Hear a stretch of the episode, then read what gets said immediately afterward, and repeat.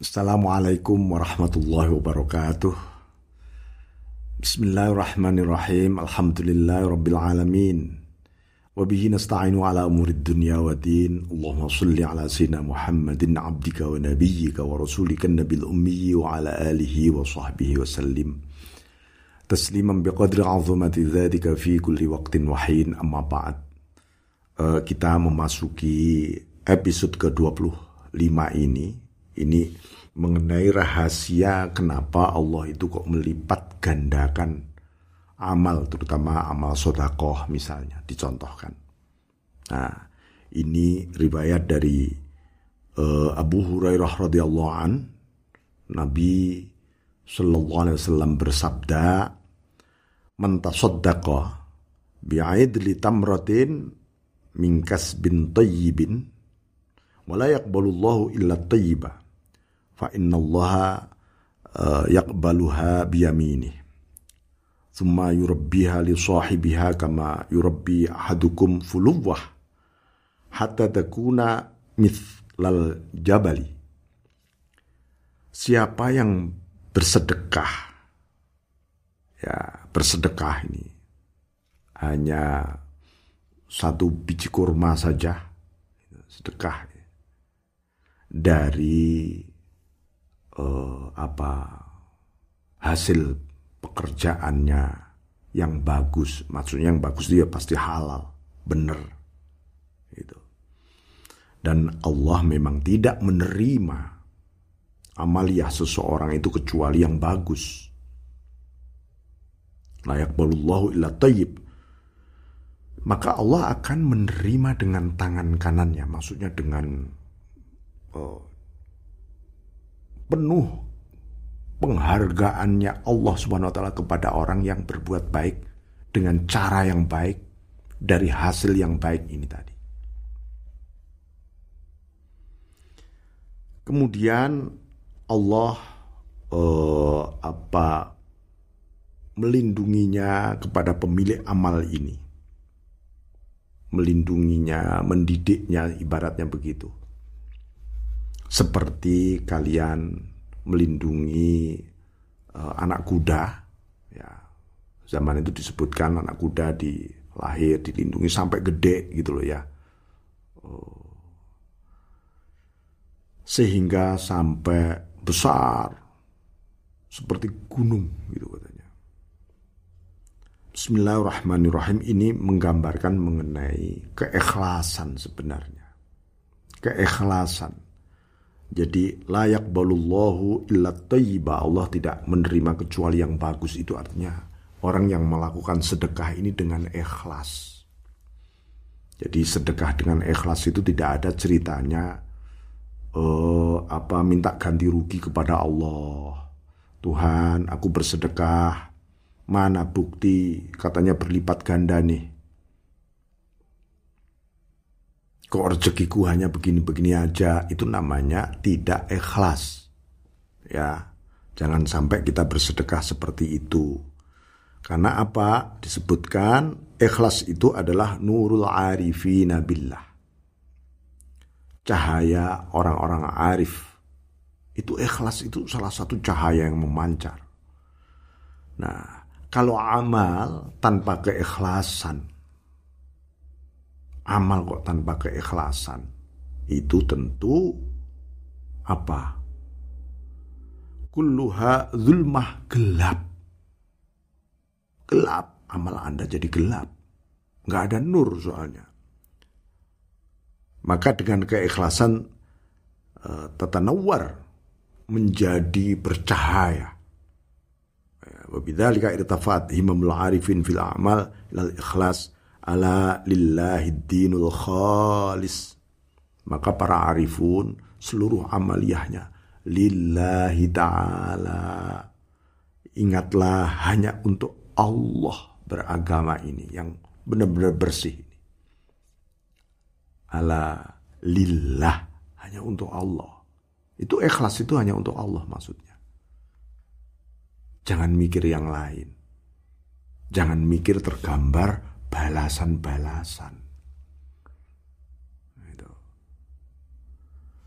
Bismillahirrahmanirrahim. illa anal mutahaqqiqin bitasawuf saffat sarairahum wa hasunat sya'irahum himamuhum rabbahum wa khuluqum sunnat nabiyyah nabiyihim aksa ahli muruk min ashabid da'wah memang kaum ahli hakikat sufi itu berbeda dengan orang-orang yang uh, suka mengklaim pahala, suka nanti kamu dapat ini, bersedekahlah, lihat keajaibannya. Anda sering kan mendengar gitu di medsos, di berbagai propaganda. Itu kan ngajak orang gak ikhlas. Sodakoh kok. Sodakoh itu bukan untuk melihat keajaibannya. Sedekah-sedekah lillahi ta'ala. Hanya untukmu Allah. Bukan untuk mencari keajaiban. Ya, ini Eh, pikiran-pikiran yang mengotori orang-orang bersedekah itu ya seperti itu. Ya. Jadi maka Syekh Ahmad Ar-Rifai pada zamannya itu mengingatkan betul sudah muncul uh, mereka mengatakan ay bunayya idza nadarta fil qawm alladziina da'u at-tasawuf al-yawm Hai anak-anakku, katanya murid-muridku, kalau kamu melihat hari ini orang-orang yang mengklaim dirinya bertasawuf, ya, berakhlak, beradab para sufi, mengklaim itu. Mayoritas mereka malah zanatikoh, orang-orang zindik ini. Orang zindik ini oh, merasa batinnya saja dengan Allah, lalu uh, dia tidak melakukan aktivitas syariah yang bagus. Nah, sudahlah yang penting Allah ajak katanya. Itu zaman itu sudah muncul. Hari ini juga sudah muncul, juga banyak bermunculan. Gitu. Wal hururiyah. Itu orang yang liberal, liberal dalam arti di sini artinya begini. Ya semaunya saja uh, dia merasa uh, apa mendapat perlindungan Allah tapi dia melakukan apa saja melanggar apa saja bebas apa saja. Liberalisme. Itu uh, apa? Semuanya serba boleh. Ah bolehlah. Oh ini kan rahmat Allah. Ini boleh ini boleh ini kan. Sudah muncul zaman itu. Wal mubtadi'ah ahli bid'ah. Bikin hal-hal baru yang itu tidak yang bertentangan sebenarnya dengan. Nah, ini harus di uh, uh, apa dibedakan mubtadi'ah dengan orang yang membangun tradisi kebajikan. Nah, kalau orang bikin tahlilan, yasinan, itu bukan mubtadi'ah, itu sunnah, membangun sunnah kebajikan. Ya, orang uh, uh, silaturahim bersama-sama halal bihalal misalnya itu bukan bid'ah itu sunnah kebajikan karena itu forum silaturahim yang di situ nanti saling memaafkan. Indah semua. Namanya mansanna sunnatan hasanah. Ya. Maka Allah akan memberi pahala. Dan orang yang melestarikan tradisi ini yang juga mendapat pahala dan dia pun mendapat pahala dari orang dikirim pahala dari orang yang melanjutkan tradisi kebaikan tadi dunia medsos ini misalnya ini bid'ah bukan boleh disebut bid'ah tapi ya, dolalah apa hasanah tergantung. Kalau Anda mengisi dengan sunnatan hasanah, kebajikan, maka oh itu akan berlipat ganda. Kebajikan yang kembali kepada Anda. Nah, itu ya. Uh, jadi ini yang harus maka Apakah tanda-tanda para sufi itu ya? Tanda-tanda. Beliau mengingatkan ayat sufi akwali wa af'ali wa harokati min adnasi afatin nafs wal khalqi wad dunya. Hanya tiga saja tanda kalau ucapan tindakan kemudian gerak-geriknya bersih dari pengaruh efek negatif nafsunya. Yang kedua, pengaruh dari makhluk. Artinya selera publik, arus publik, apa kata publik. Wah, itu lebih mempengaruhi dia. Wah, ini bukan bukan sufi. Begitu juga buat dunia-dunia. Oh, arah skema dunia global itu sekarang begini. Oh, dia mengalami kecak ke kecemasan dan harapan terhadap dunia. Bukan, bukan itu sufi. Dia tidak terpengaruh sama sekali oleh perubahan, oleh apa pun. Jadi watasfu khawatiruh min ghubar al-i'rad anhu ta'ala wan nadharu minhu ila man siwah. Jadi dia bersih juga dari intuisi-intuisi yang mempengaruhi hatinya untuk berpaling dari Allah. Ya, ini paling berat. Oh, tek. Oh, udah. Pindah kita kepada selain Allah. Ini para sufi yang benar. Ya. Jadi karena itu tasawuf atau sufi itu bukan status. Bukan status, tapi perilaku. Perilaku. Ini harus kita ingat. Sufi itu bukan status. Nanti lama-lama eh, seperti ulama, ulama itu kan bukan status. Nanti kalau jadi status lama-lama jadi profesi. Ya. Apa pekerjaanmu? Ulama katanya. Apa pekerjaanmu? Sufi, Pak gitu.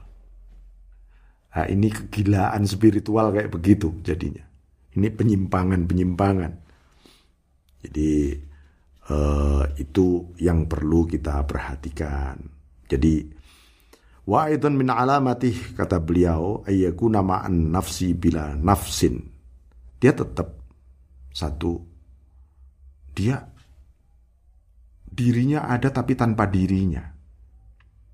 Gimana dirinya ada tanpa dirinya? Wujuduhu keadami adanya seperti tiadanya.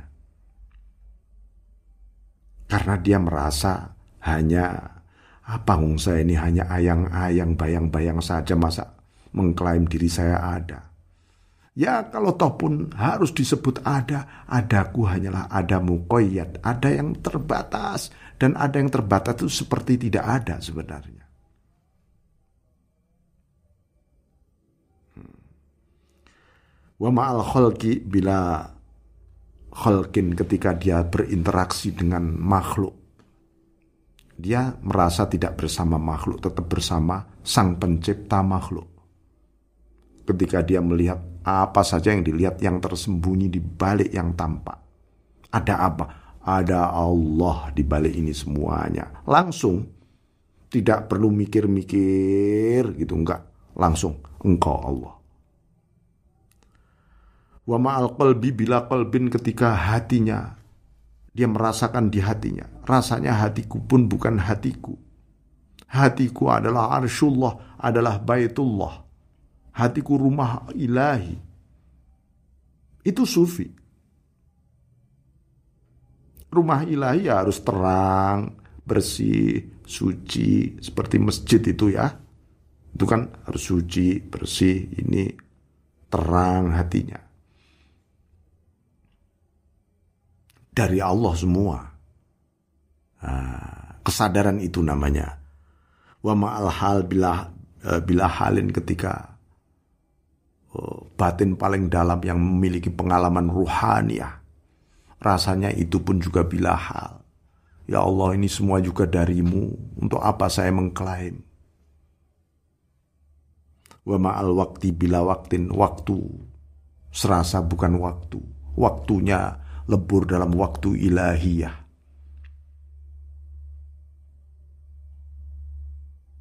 Jadi begini. Wak ma'al waktu bila waktin ini seperti apa ya? Kalau kemarin, besok, hari ini tidak ada.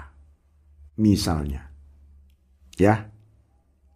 Ini kan kemarin, hari ini, besok ini kan waktu dunia kita ini.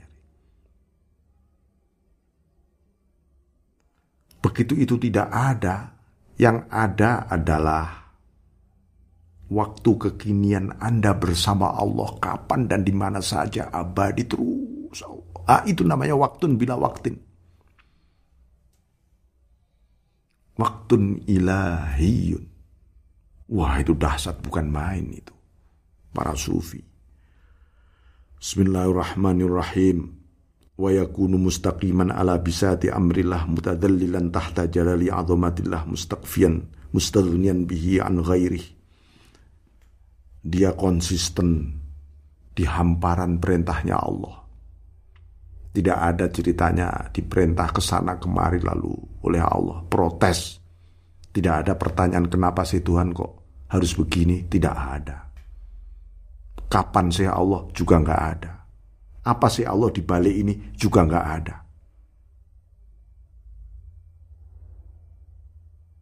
Ya, dia sudah berkarakter ya, menjadi menjadi alatnya Allah betul, hambanya Allah betul ini.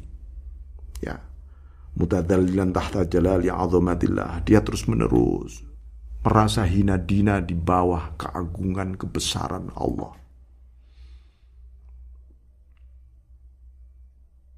Ya. Selama ini mungkin Anda melihat kebesaran Allah itu melihat langit, melihat bintang-bintang, melihat semesta, kejadian-kejadian. Iya, memang. Tetapi yang tersembunyi di balik itu kalau Anda mengenalnya, Anda baru mengenal azamahnya Allah. Bukan wujud yang tampak ini, yang tersembunyi, nur, nurul azamah. Keagungan. Azamah itu adalah perpaduan antara jalaliyah dan jamaliyah.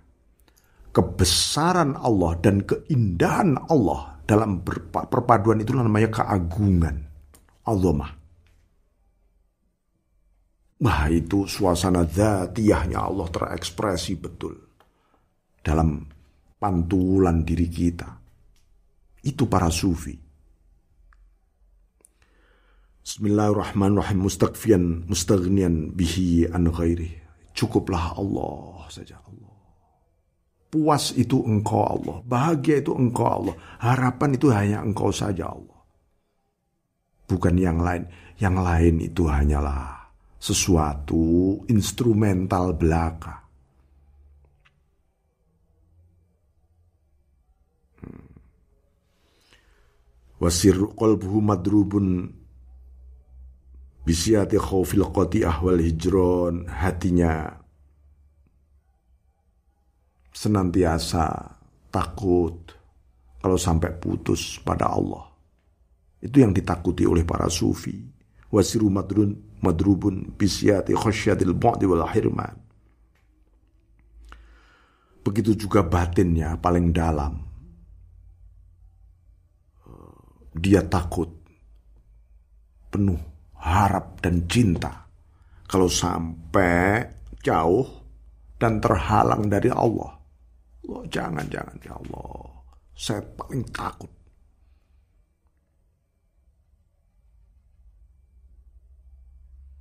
Jadi eh, itulah suasana musyahadah dan ma'rifah yang terus menerus dialami para ahlul ma'rifah, para sufiah yang sesungguhnya.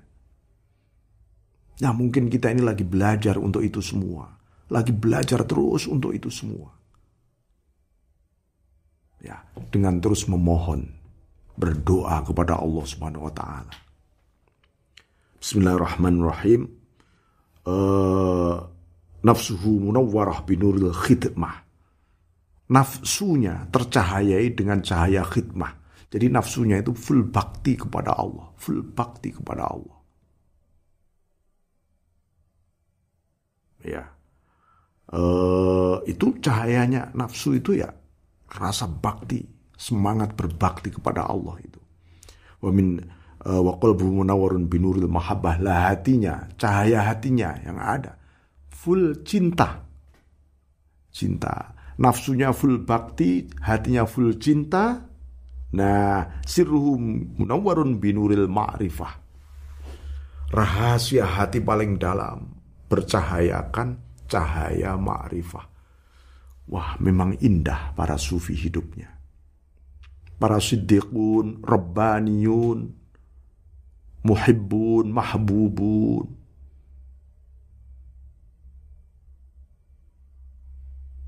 Ya. Ini uh, apa suasana yang maka warkanuhu mustaqimatun ala tariqil haq bil haq lil haq. Nah ini. Tonggak-tonggak penyangganya adalah tegak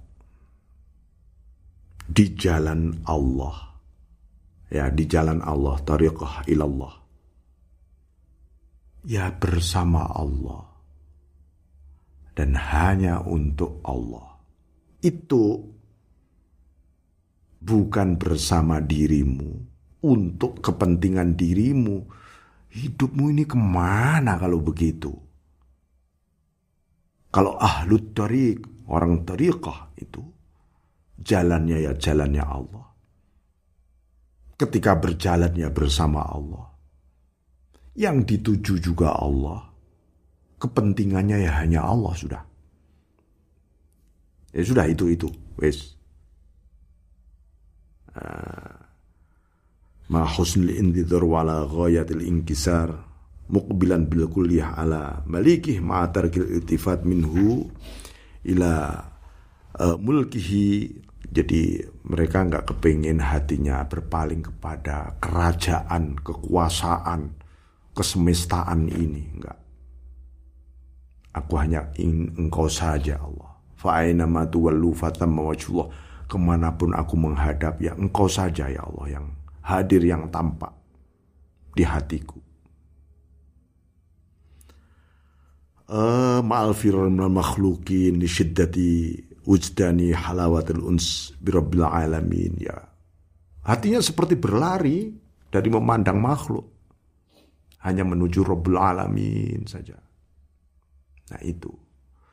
Inilah salah satu karakteristik ruju'uhu ilal haq wa timaduhu alal haq wa firaruhu mal haq min ghairi ayal tafita minhu ilal khalq.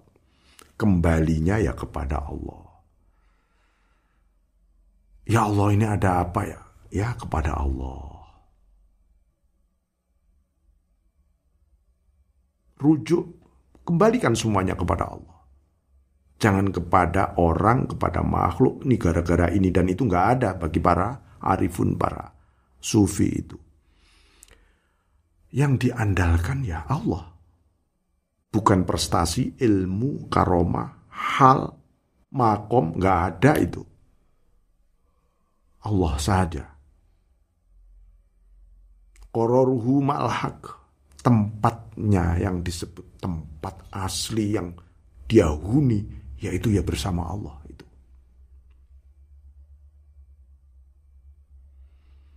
Tidak berpaling pada makhluk. Ayo kita terus menerus lakukan ini dengan penuh zikrullah. Ini untuk melatih. Biar apa ya? Ya memang itu.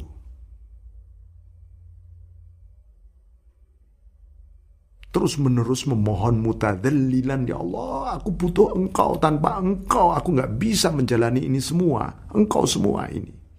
Harus bersamamu Allah.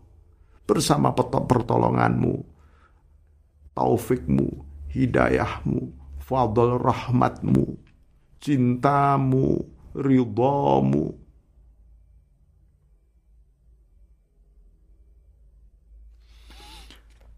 Ya Allah, bismillahirrahmanirrahim.